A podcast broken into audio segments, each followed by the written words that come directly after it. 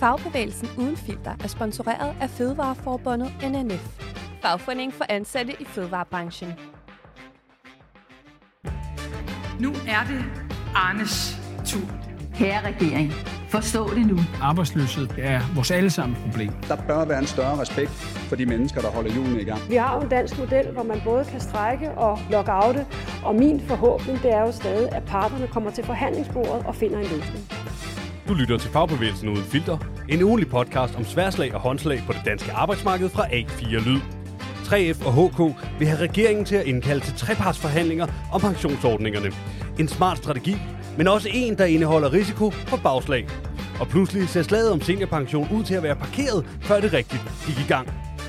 En kontroversiel takketale skabte mumlen i hjørnerne, da Dansk Journalistforbund afgjorde kampvalg om næstformandsposten. Og så bliver retfærdig løn og en finanslov helt blottet for erhvervsskoletiltag nogle af de gennemgående temaer ved årets 1. maj, der også byder på en del overraskelser herunder en blå 1. maj. Mit navn er Christoffer Norskov, overfor mig står faglig kommentator Gitte Redder. Velkommen til Fagbevægelsen Uden Filter.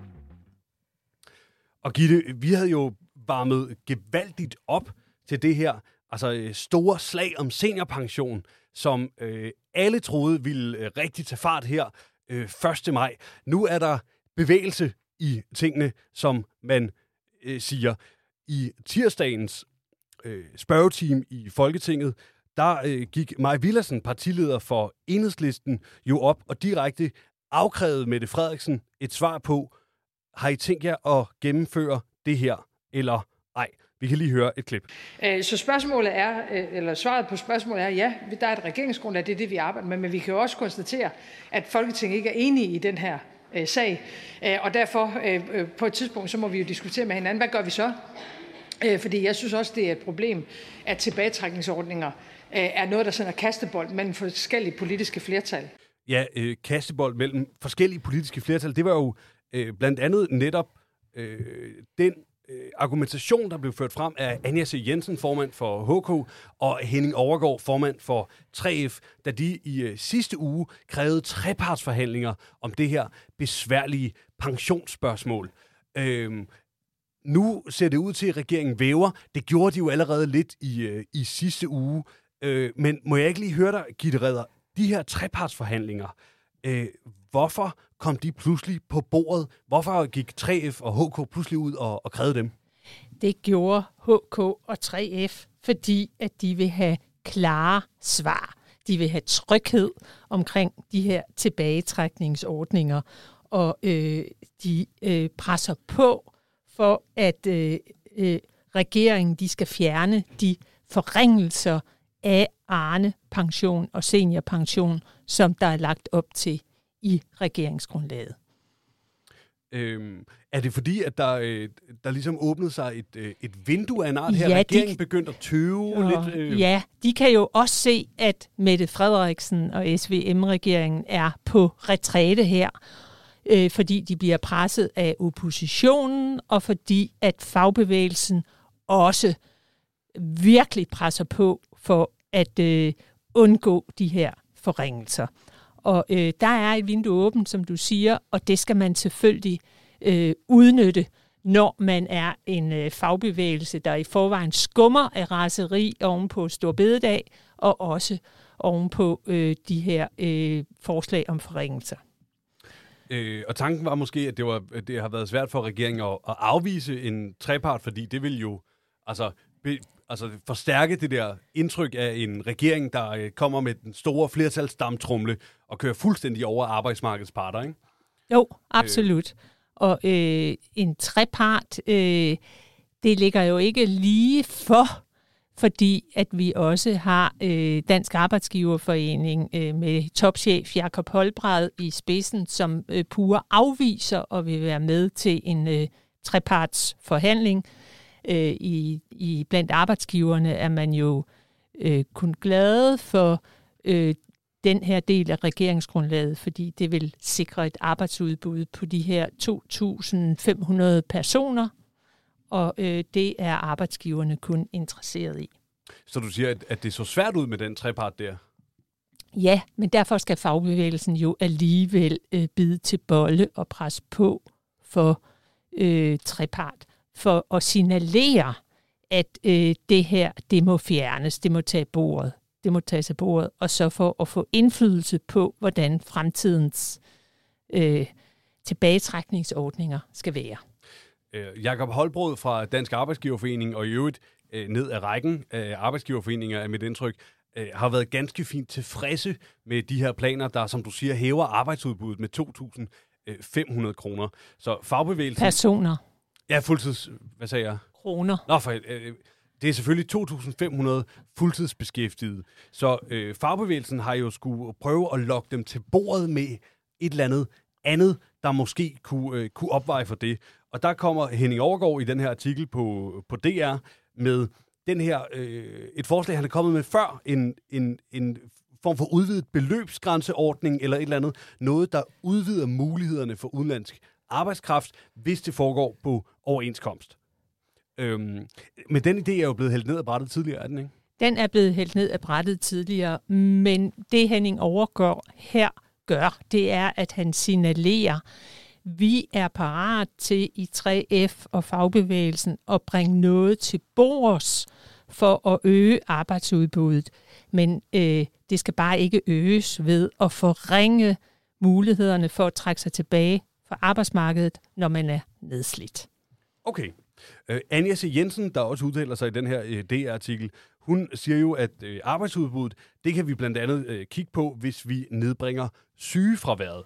Og det er jo, uh, det er jo noget, som, som DA uh, tidligere har slået på, at vi kan få et, et, et meget lavere sygefravær. Men Anja C. Jensen, hun argumenterer for, at det skal være arbejdsmiljøtiltag, der forbedrer øh, arbejdsmiljøet. Altså, hvad, tror du, det sælger over hos arbejdsgiverne? Nej, der vil arbejdsgiverne øh, ryst på hovedet. Det lyder øh, lidt fluffy ved øh, Jakob øh, Holbred og, og Pernille Knudsen øh, fra DA øh, sige, øh, når Anja C. Jensen spiller ud med det. Men øh, hun har jo en pointe. Fagbevægelsen har jo en pointe, når de bliver ved med at øh, sætte fokus på, at vi må gøre noget for at forbedre arbejdsmiljøet, sådan at øh, der ikke længere er det høje sygefravær, og man ikke bliver nedslidt. Fordi det vil kunne øge arbejdsudbuddet med øh, bedre øh, stresshåndtering, øh, mindre arbejdspres. Der er masser af håndtag og værktøjer stadigvæk på arbejdsmiljøområdet, som øh, vil kunne øh, betyde øh, et langt, langt mindre øh, stress og øh, sygefraværs øh, omfang, som det vi ser i dag. Øh, noget, jeg ellers byder mærke i øh, i artiklen der fra DR, det er noget, som Anja C. Jensen siger, fordi altså, de, de skal virkelig tilbyde noget stort for at få arbejdsgiverne lukket med på øh, det her. Og der, spørger hun, der bliver hun så spurgt af, af journalisten, er I klar til at se på efterlønnen i HK? Og det er ikke en blank afvisning, der kommer. Der siger Anja C. Jensen, det vil jeg ikke svare på for rullende kameraer. Det må vi kigge på. Og så tilføjer hun selvfølgelig, jeg tror, at efterlønnen er meget svær, øh, og det bliver svært at øh, få lønmodtagerne til at acceptere, at de skulle miste den og alt det der. Men altså, åbner hun en dør på klem her, Gitte Redder? Øh, eller er det noget, hun siger for at, ligesom Henning overgår og signalere, der er forhandlingsvilje? Det er for at signalere forhandlingsvilje, og øh, det vil være en ekstrem farlig strategi for Anja C. Jensen, hvis hun bevægede sig ud i at ville afskaffe efterlønnen.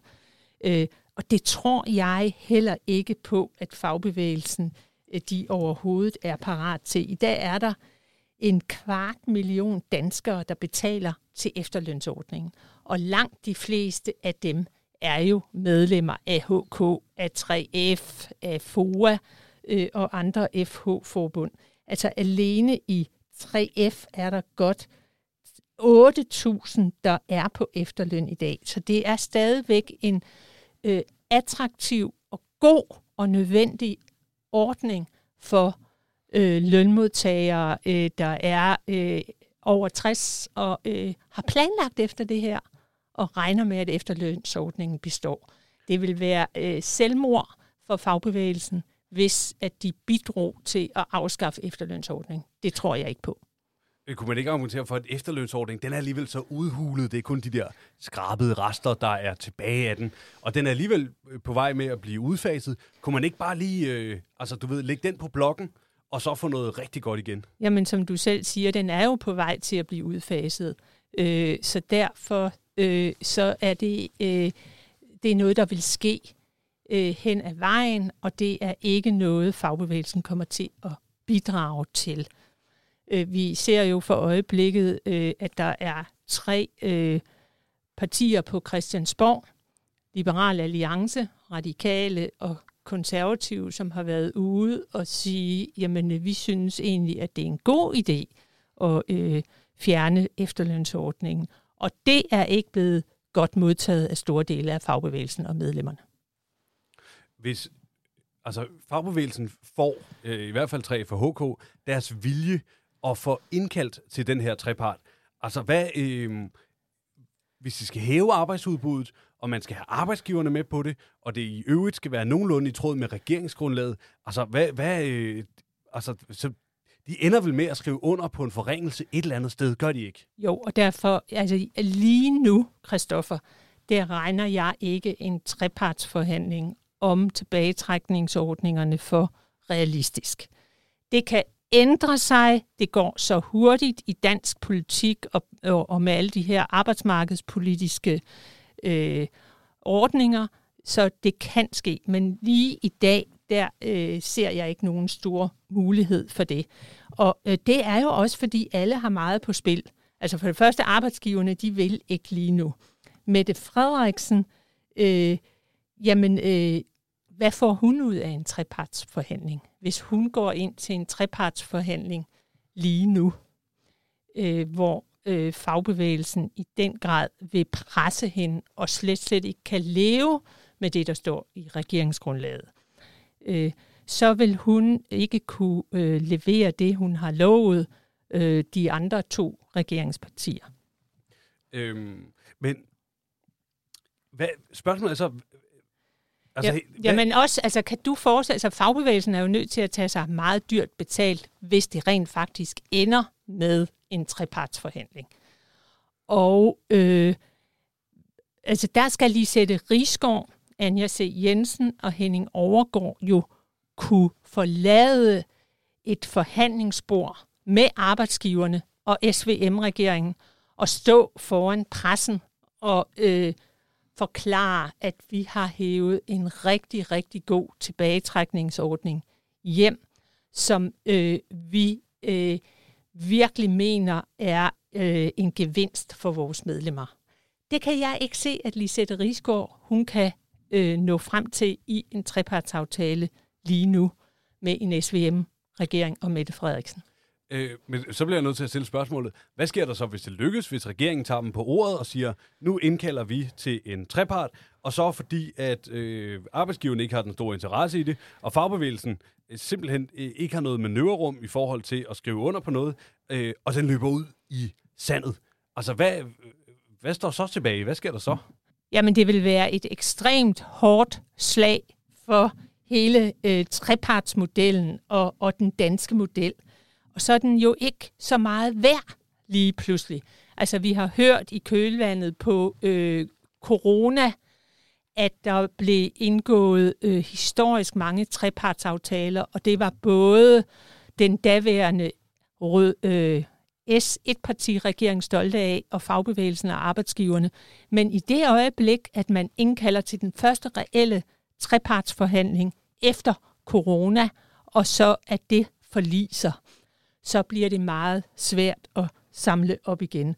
Så det vil være øh, øh, et alvorligt tilbageslag for fagbevægelsen også, fordi man mister indflydelse og legitimitet på Christiansborg og i det politiske maskinrum, hvor fagbevægelsen jo meget gerne vil være, og især gerne vil ind nu, efter at man har øh, tabt slaget om Stor Bededag. Så man har stået med fakler og høtyve nede på Christiansborg Slotsplads og er blevet rubriceret sammen med de her øh, hvad det, som parolifagbevægelsen, ikke? og de er blevet sammenlignet med Hardy Hansen i 80'erne. Øh, så indkalder man til trepart, hvor de voksne skal sidde ved bordet og finde en løsning.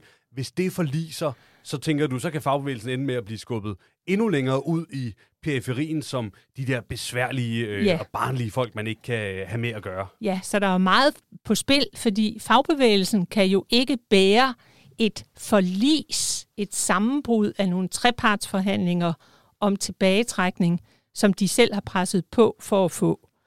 Det vil virkelig være et nederlag for fagbevægelsen. Men fagbevægelsen kan jo heller ikke bære en, øh, en trepartsaftale om tilbagetrækninger, som forringer tilbagetrækningsordning, seniorpension. Øh, Arne er ikke Arne plus længere, men en Arne minus. Det bliver meget svært for fagbevægelsens øh, ledelse og sælge til medlemmerne. Så vil de blive bebrejdet, at de ligger for meget i ske med Mette Frederiksen, og det har fagbevægelsen ingen øh, egen interesse i at gøre. Hvorfor så, hvis det ser så håbløst ud, øh, både i forhold til, at det er urealistisk at få indkaldt til treparten, men også fordi, at selv hvis den bliver indkaldt, så ser det ud til at blive svært at komme i, øh, i mål med noget. Altså, Øhm, hvorfor gør de det så, Anja C. Jensen og Henning Overgaard? Hvorfor går de ud og kræver den her trepart? Det er jo også for at demonstrere over for medlemmerne, at de virkelig presser på for at sikre, at der øh, kommer en, øh, øh, nogle ordentlige tilbagetrækningsordninger, som øh, passer til øh, deres medlemmer, som jo i dag virkelig er nedslidte og øh, jo har travlt med at hamstre de her øh, seniorpensioner, øh, mens de stadigvæk er øh, til at leve af. Er der også øh, måske noget i, at man... Øh, altså, i- historiefortællingen, man har været med til at lægge pres på regeringen i forhold til at tage seniorpension af bordet, og i historiefortællingen ville det gøre det sværere for regeringen at, øh, at gennemtrumfe den her seniorpension, hvis der også stod en treparts øh, som blev afslået. Ja, og øh, at øh, fagbevægelsen kan ikke gøre andet. De skal bruge alle de kanaler, alle de værktøjer, alle de pressionsmuligheder, som de har. Og der er trepartsmodellen en af dem. En invitation, man øh, regner med, bliver afslået. Er, er det grunden til, at det er Henning Overgaard, formand i 3F, og Anja C. Jensen, der kommer med den her invitation, og ikke Lisette Risgaard, som jo ellers er hende, der højst sandsynligt ville sidde med ved bordet? Altså, øh, det, er klar, øh, det er simpelthen noget, man har drøftet i øh, FH-toppen. Og øh, vi har Henning Overgaard, formand for Danmarks største fagforbund, Anja C. Jensen, formand for Danmarks andet største fagforbund. Så at de går ud og, og, og siger det, det er ikke ens betydende med, at Lisette Risgaard ikke har nikket til det. Hun er helt enig i den strategi. Og vi skal jo også, øh, Christoffer, det er jo ikke kun toppen af fagbevægelsen, der presser på her. De gør det også, fordi de er presset af deres bagland. Altså lige nu, der er der jo øh, på øh, Facebook en gruppe, der hedder Bevar Seniorpensionen, og den mobiliserer flere og flere øh, medlemmer. Og øh, lokalt, der er der jo øh, afdelinger af 3F, af HK, af Blik og Rør og alle andre forbund, som øh, hver dag melder hold snitterne væk fra seniorpensionen og Arne-pensionen. Så her sender man igen et signal til Mette Frederiksen. Vi kunne mobilisere omkring Stor Bededag, og vi kan også mobilisere omkring at bevare seniorpensionen. Og det lytter Lisette Rigsgaard, Anja C. Jensen og Henning Overgaard selvfølgelig til. Øh, om, det er, øh, om det er det her pres, som fagbevægelsen har øh, lagt, eller om det er, altså om der er andre, også helt parlamentariske årsager til det. Der er jo det her med, at, øh, at seniorpensionen er forlisbelagt, og man ikke kan ændre på den i indeværende folketingsperiode, medmindre at Morten Messerschmidt i Dansk Folkeparti, han nikker til det. Øhm, øh, desuden det samme med konservative og øh, liberale alliancer. Sådan. Så der er hele det der spil med, kan man overhovedet ændre på den? Så skal man springe for livet, så træder det først i kraft efter et valg. Så skal Mette Frederiksen muligvis gå til valg på at forringe og afskaffe øh, seniorpensionen. Øhm, men hele, hele den politiske analyse, den tænker jeg, øh, den gemmer vi lidt, ikke? Og så kan vi måske også få en af vores kolleger fra A4 Aktuelt, som jeg ved sidder og, og graver i det her på, på livet løs i studiet til at redegøre for det finere franske i det, det parlamentariske. Øh, I første omgang må vi bare konstatere, det ser jo næsten ud til, at slaget om seniorpension er, jeg ved ikke om det er over, før det er begyndt, men det er i hvert fald øh, parkeret. Øh, og Lisette Rigsgaard har øh, her onsdag formiddag øh, skrevet et øh, Facebook-opslag, hvor hun står ude i sin, jeg ved ikke om det er hendes have, øh, der, der er meget øh, forårs, øh, blå himmel, øh, grønne buske og et stort, stort smil fra Lisette Rigsgaard, der siger tak til regeringen for at lytte. Ja, og øh, forløbig har Mette Frederiksen jo kun signaleret, at hun vil lytte. Og jeg tror ikke, at der er sat punktum for den her debat om fremtidens øh, tilbagetrækningsordninger. Slet, slet ikke. Du lytter til Fagbevægelsen uden filter. Podcasten er sponsoreret af Fødevareforbundet NNF. Fødevareforbundet NNF er en stærk fagforening og et stærkt fællesskab for de ansatte i fødevarebranchen. Gitte, jeg har været til delegeret møde i Dansk Journalistforbund. Jeg har jo været øh, medlem af Dansk Journalistforbund. Ja, du tror, det er løgn siden længe før du blev født. Øh, jeg blev medlem 1. juli 1986, lige da jeg var færdiguddannet, og jeg har været medlem lige siden, og jeg har været et glad og tilfreds medlem af Journalistforbundet. Men du plejer altid at være efter mig, når jeg står og præsenterer dig som Gitte Redder, øh, 40 års erfaring med arbejdsmarkedsstoffet, så, så, så brokker du dig altid lidt og siger, hov, hov, hov, det er ikke 40 år. Men det er det da næsten. Ja, næsten, men øh, ja, der er lige et par år til. Er det fordi, du ikke kan lide øh, antydningen op, øh, at du er gammel? Jeg, jeg er ikke gammel. Nej, jeg, okay. jeg, jeg er jo ung og levende og et aktivt medlem af Journalistforbundet. Så kan du måske også genkende til øh, den diskussion, der har været i Journalistforbundet om øh, freelancers vilkår versus de fastansatte. Er det noget, du har hørt før? Det er en øh, evergreen i Journalistforbundet, men det er jo også et, et øh, oprør, et freelance-oprør, som er vokset i omfang de senere år, fordi at der bliver flere og flere freelancere. Journalistbranchen, mediebranchen er jo i den grad øh, disrupted, og der er rigtig øh, mange øh, dagblade, tv-stationer, som øh, fyrer de fastansatte og hyrer flere og flere vikarer, og de bliver ikke altid ansat på attraktive vilkår. Det har fyldt rigtig meget i Journalistforbundet, ligesom det fylder i rigtig mange andre fagforbund. Ja, og der er ret interessant, at øh, øh, i mediebranchen oplever man mere og mere det her med altså soloselvstændige, der nærmest bliver altså tvunget over i sådan en øh, arme-ben-firma-tilværelse, hvor at man får at vide, du kan godt blive ved med at arbejde for os, men det skal være på CVR-basis. Øh, og det er jo, øh, selvom man umiddelbart ikke tænker det, så er det jo det samme, de oplever i øh, HK og i Serviceforbundet og i 3F. Ja, og øh, det for mange betyder det jo øh, økonomisk usikkerhed, øh, utryghed, og øh, det er den debat, der fyldte op til kongressen delegeret møde i Journalistforbundet. Der kom sådan en ret øh, overraskende statistik frem, der i hvert fald lige øh, fik mig til at, at læse en ekstra gang. Ud af 18.000 medlemmer i Journalistforbundet, er der kun 4.500, der er på en, en overenskomst med forbundet. Det er en fjerdedel af medlemmerne, der er dækket af en overenskomst, ikke? Jo, og sådan så det ikke ud i øh, 90'erne. Øh, der var det øh, et tal markant øh, mindre, og det er Journalistforbundet jo nødt til øh, at tage hånd om og sikre nogle rammeaftaler for de mange soloselvstændige og freelancer. Øh, det var faktisk det her freelance-oprør, som øh, er blevet beskrevet i Fagbladet Journalisten og på sociale medier. Øh, det var det særligt udløst af, at man ikke fik landet en freelance-aftale i den store dagbladsoverenskomst med Danske Mediers Arbejdsgiverforening. Det har ellers været et hovedkrav i virkelig, virkelig mange år. Det opgav man for at skrive under på en aftale.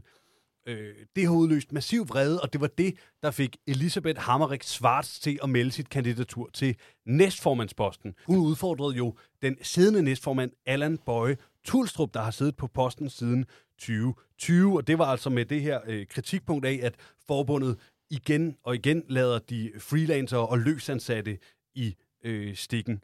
Øh, Det blev ikke Elisabeth Hammerik Svarts, der vippede Allan Bøje af posten. Hun blev ikke valgt. Det gjorde han, og endda med et ret markant flertal. Han fik 165 stemmer, hvor at øh, hun fik 104. Og det skete jo lige efter en, øh, en takketale for Tine Johansen, Journalistforbundets formand, der, øh, der, der skabte noget muren i krone. Den var lidt øh, kontroversiel, den her tale.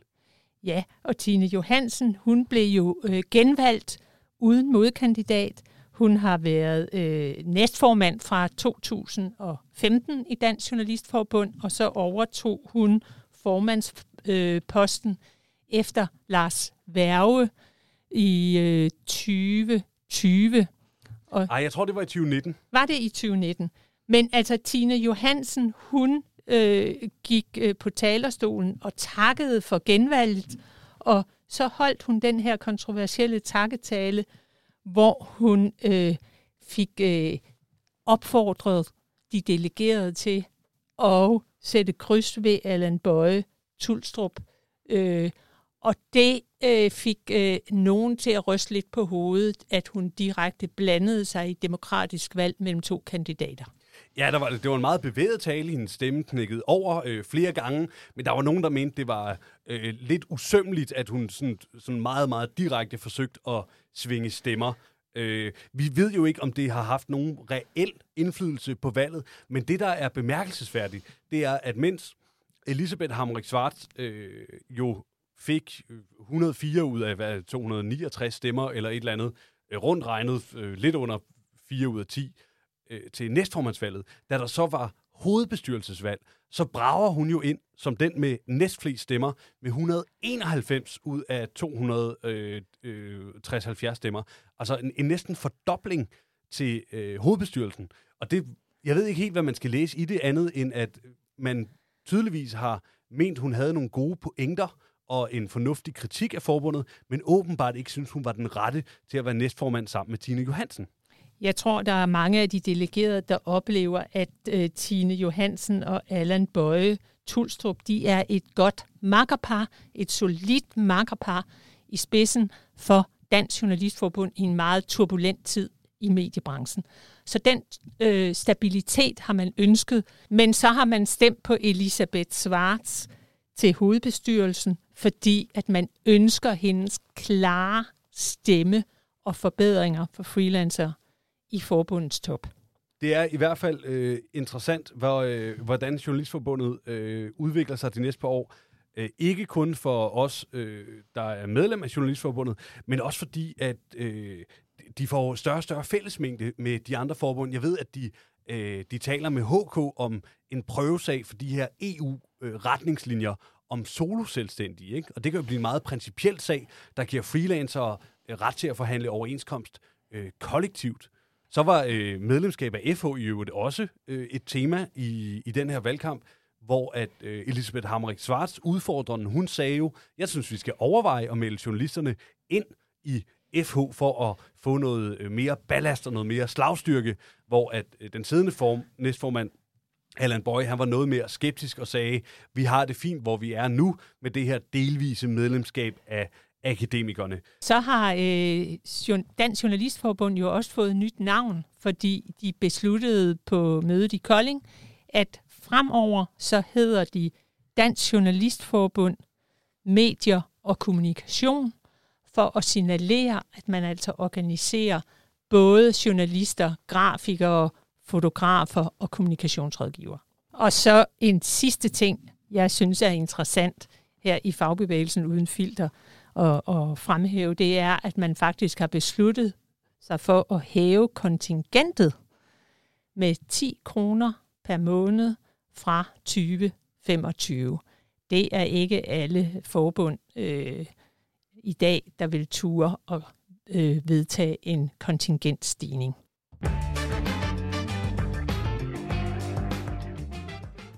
1. maj står for døren. Gitte Redder, det er på øh, mandag i næste uge, og vi var allerede en smule inde på det i øh, sidste uge, men lad os lige tage et, øh, et helikopterblik på Arbejdernes Internationale Kampdag. Skal vi vente os store nyheder og breaking news på mandag?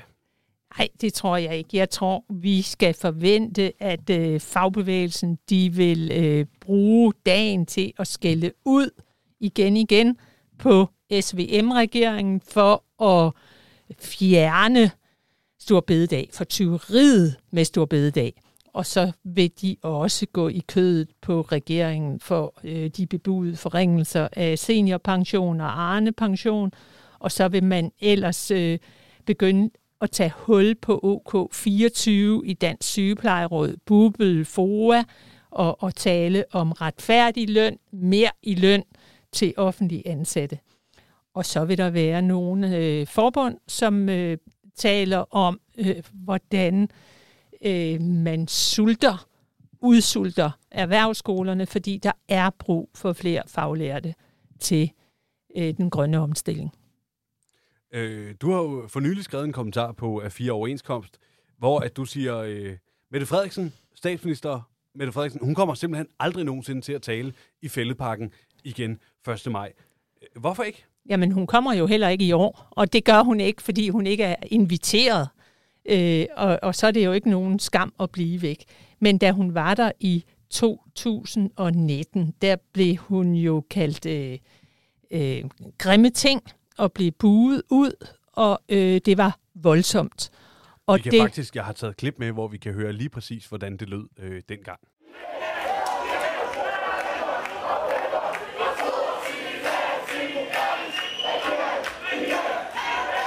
Venner, prøv lige at høre her.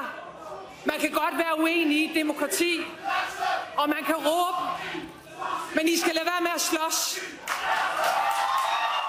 Det synes hun ikke var særlig behageligt. Det har hun sagt adskillige gange, at det gider hun ikke. Og i 2020 havde hun jo, øh, stod hun til at sende Peter Hummelgaard i stedet for. Mette Frederiksen, øh, hun kommer ikke til at stå i fældeparken på hovedscenen igen, fordi det vil simpelthen være for, øh, for risikabelt for hende. Efter fjernelsen af Stor Bededag, det er der mange, der aldrig vil tilgive hende. Og øh, nu kommer seniorpensionen, og der er andre øh, reformer på vej, som vil øh, provokere så mange lønmodtagere, at øh, de de næste mange år øh, vil øh, stå og råbe af Mette Frederiksen. Og hvorfor skulle hun risikere det? Hun skal finde en talerstol, hvor hun i god ro og orden kan udbrede fortællingen om, hvad det er for nogle visioner, hun har for Danmark, for dansk velfærd og dansk arbejdsmarked. Og det får hun ikke lov til at fortælle i Fældeparken. Men du har også fortalt mig, at øh, i, i toppen af fagbevægelsen er der mange, der gerne vil sådan, komme på gode, øh, altså have gode forhold til Socialdemokratiet igen. Man kan ikke sidde og drikke urtete med SF de næste fire år. Alt det der, som vi har været inde på før. Øhm, men du siger lige præcis, Mette Frederiksen, hun er altså for, for mærket af alle de ting, hun har lavet gennem årene til nogensinde at, at befinde sig godt i fældeparken igen. I hvert fald ikke fra, øh, fra hovedscenen. Det vil, hun vil være en kontroversiel taler, så lang tid hun er formand for Socialdemokratiet. Og der har fagbevægelsen jo heller ikke en interesse i at invitere hende som hovedtaler, og, øh, og så risikere øh, buråb, og øh, hun bliver kaldt klasseforræder, og der bliver smidt øh, rådne tomater efter hende, og sådan noget. Det har fagbevægelsen jo ikke en interesse i. Og de har jo ikke, fagbevægelsen, styr på alle, der kommer i fældeparken den dag. Altså en anden, der er blevet kaldt klassefreder i fældeparken, det er jo FH-formand Lisette Rigsgaard. Det blev hun kaldt i 2017 efter det her meget dramatiske overenskomstforløb. Øh, men hun er på øh, plakaten i Fælleparken i år. Hun skal tale klokken øh, 13 som hovedtaler. Og øh, ved du, hvor hun også skal holde 1. maj tale henne? Det øh, stussede jeg nemlig en lille smule over, da jeg så plakaten. Ja, og det er nemlig interessant, fordi øh, fagbevægelsen de inviterer ikke Mette Frederiksen, Socialdemokratiets formand. Til gengæld så er der nogen i Socialdemokratiet, der er large nok til at invitere selveste Lisette Rigsgaard. Og det er som mænd Socialdemokratiet i Ballerup, hvor Lisette Rigsgaard, hun skal tidligt op, øh, og tale klokken halv syv om morgenen i Ballerup. Hva- Hvad er det for et signal, Lisette Rigsgaard øh, siger, når fagbevægelsen ikke vil have Socialdemokraterne, men FH-formanden, hun vil gerne ud til Socialdemokraterne og tale 1. maj? Jamen, den invitation skal Lisette Rigsgaard takke ja til. Øh, det vil være helt forkert af hende at, at boykotte sådan et arrangement. Nu får hun øh, en mikrofon, og hun får mulighed for face to face at fortælle folketingsmedlem Kasper Sand Kær, som er valgt i Ballerup, hvad hun mener om Stor Bededag, om seniorpension og om alt det andet, fagbevægelsen er uenig i. Og øh, det øh, kan de fremmøde så øh, lytte til, og der vil være mange af de lokale socialdemokrater i Ballerup, som dybest set er mere enige med Lisette Rigsgaard end med Kasper Sandkær og øh, den officielle partilinje. Så hun får øh, uddelt nogle tæsk ude i Ballerup, forventer du. Det kan jeg Men, love dig øh, for, hun gør. Men det, er, er, det også en, altså, øh, er der også en lille øh, rosengren? Nej, hvad fanden er det, man gør? Oliven? Er der en lille olivengren i det her også, når hun rent faktisk dukker op og hilser på folk og glædelige 1. maj-kammerater og Jamen, det er jo en... Øh, en det, diplomatisk mission? Det er en diplomat, det er en fredsmission, kan man sige, at hun er, er, er på. Og øh, det skal øh, Lisette Rigsgaard jo også være, fordi øh, de er nødt til at, at finde hinanden. Det bliver ikke fra hovedscenen i Fælleparken, men øh, der kan måske godt bygges lidt bro i Ballerup mandag morgen. Hvad sker der ellers af spændende ting 1. maj, Gitte Redder? Jamen, det fremler jo som altid med arrangementer over hele landet. Men et af dem, som er lidt mere spøjse, det er, at øh, der bliver holdt blå 1. maj i landstingssalen på Christiansborg. Og det er Liberal Alliances Alex Vanopslag, det er Søren Pape Poulsen fra De Konservative, og så er det Morten Messerschmidt fra Dansk Folkeparti, der har inviteret. Og øh, ved du hvad? De skal synge. Det er ikke et rødt flag. Smelle. Hvad, øh, hvad skal Morten Messerschmidt stå? Og øh, han er jo en god sanger jo. Jamen, øh, skal vi ikke øh, høre øh, et lydklip? Jeg bærer med smil min byrde, jeg drager med sang mit læs. Jeg er som den vilde hyrde, der gemmer sit kvæg på græs. Simpelthen, øh, jeg bærer med smil min øh, byrde af øh, Erik Påske, og her var det med Paul Gottske på piano, og den er optaget i 1975. Øh, hvad, hvad, øh, hvad formålet med det her, gittereret? Jeg har jo også fået invitationen. Jeg kan se, at de blandt andet skal diskutere, hvorvidt Socialdemokratiet er de rigtige beskyttere af den danske model. Ja, og det skal de jo, fordi lige nu, der mener Morten Messerschmidt fra Dansk Folkeparti jo, at han er en bedre beskytter af den danske model, og det er ham, der passer på lønmodtagernes interesser mere end Mette Frederiksen. Og derfor så det her lidt øh, frække påfund at holde en, øh, en blå 1. maj.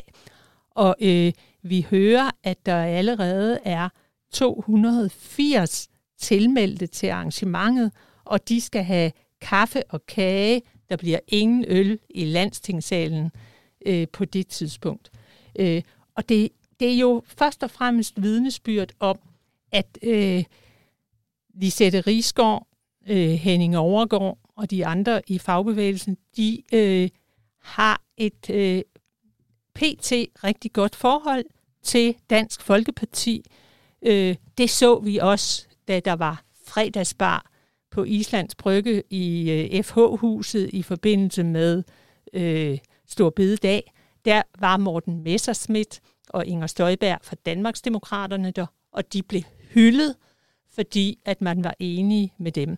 Henning Overgaard øh, har et øh, en tæt kontakt til Dansk Folkeparti for øjeblikket omkring øh, seniorpension og Arne-pension, og det samme har flere af de andre forbundsformænd.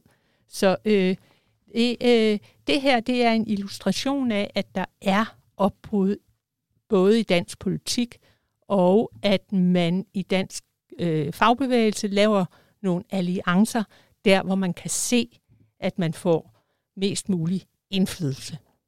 Men det er ikke ligefrem sådan, at øh, Lisette Rigsgaard, hun dukker op til det arrangement der med Søren Pape, Alex Vanopslagh og... Øh, Nej, det er det ikke. Øh, det er for medlemmer af de tre partier.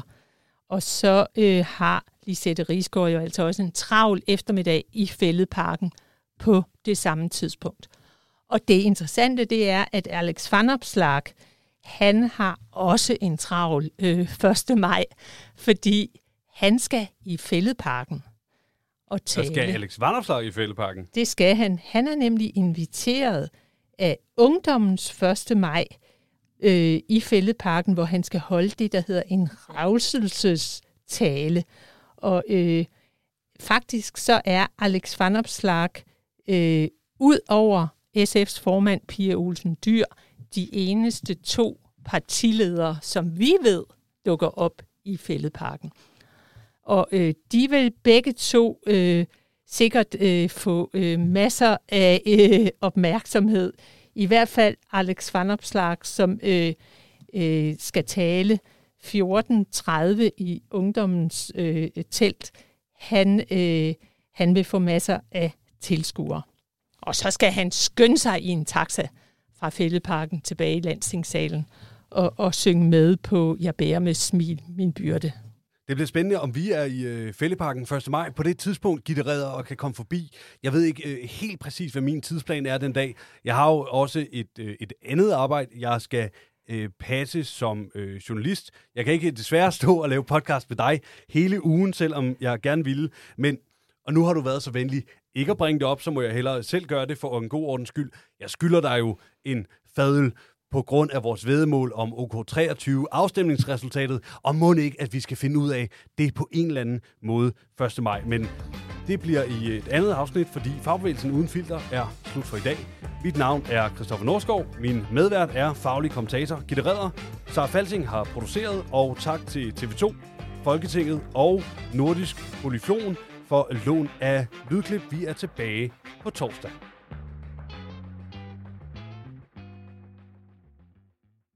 Fagbevægelsen Uden Filter er sponsoreret af Fødevareforbundet NNF. Fødevareforbundet NNF er fagforeningen for dig, der arbejder inden for nogle af Danmarks vigtigste brancher, nemlig fødevarebranchen. Meld dig ind i Fødevareforbundet NNF nu og få op til to måneders gratis kontingent.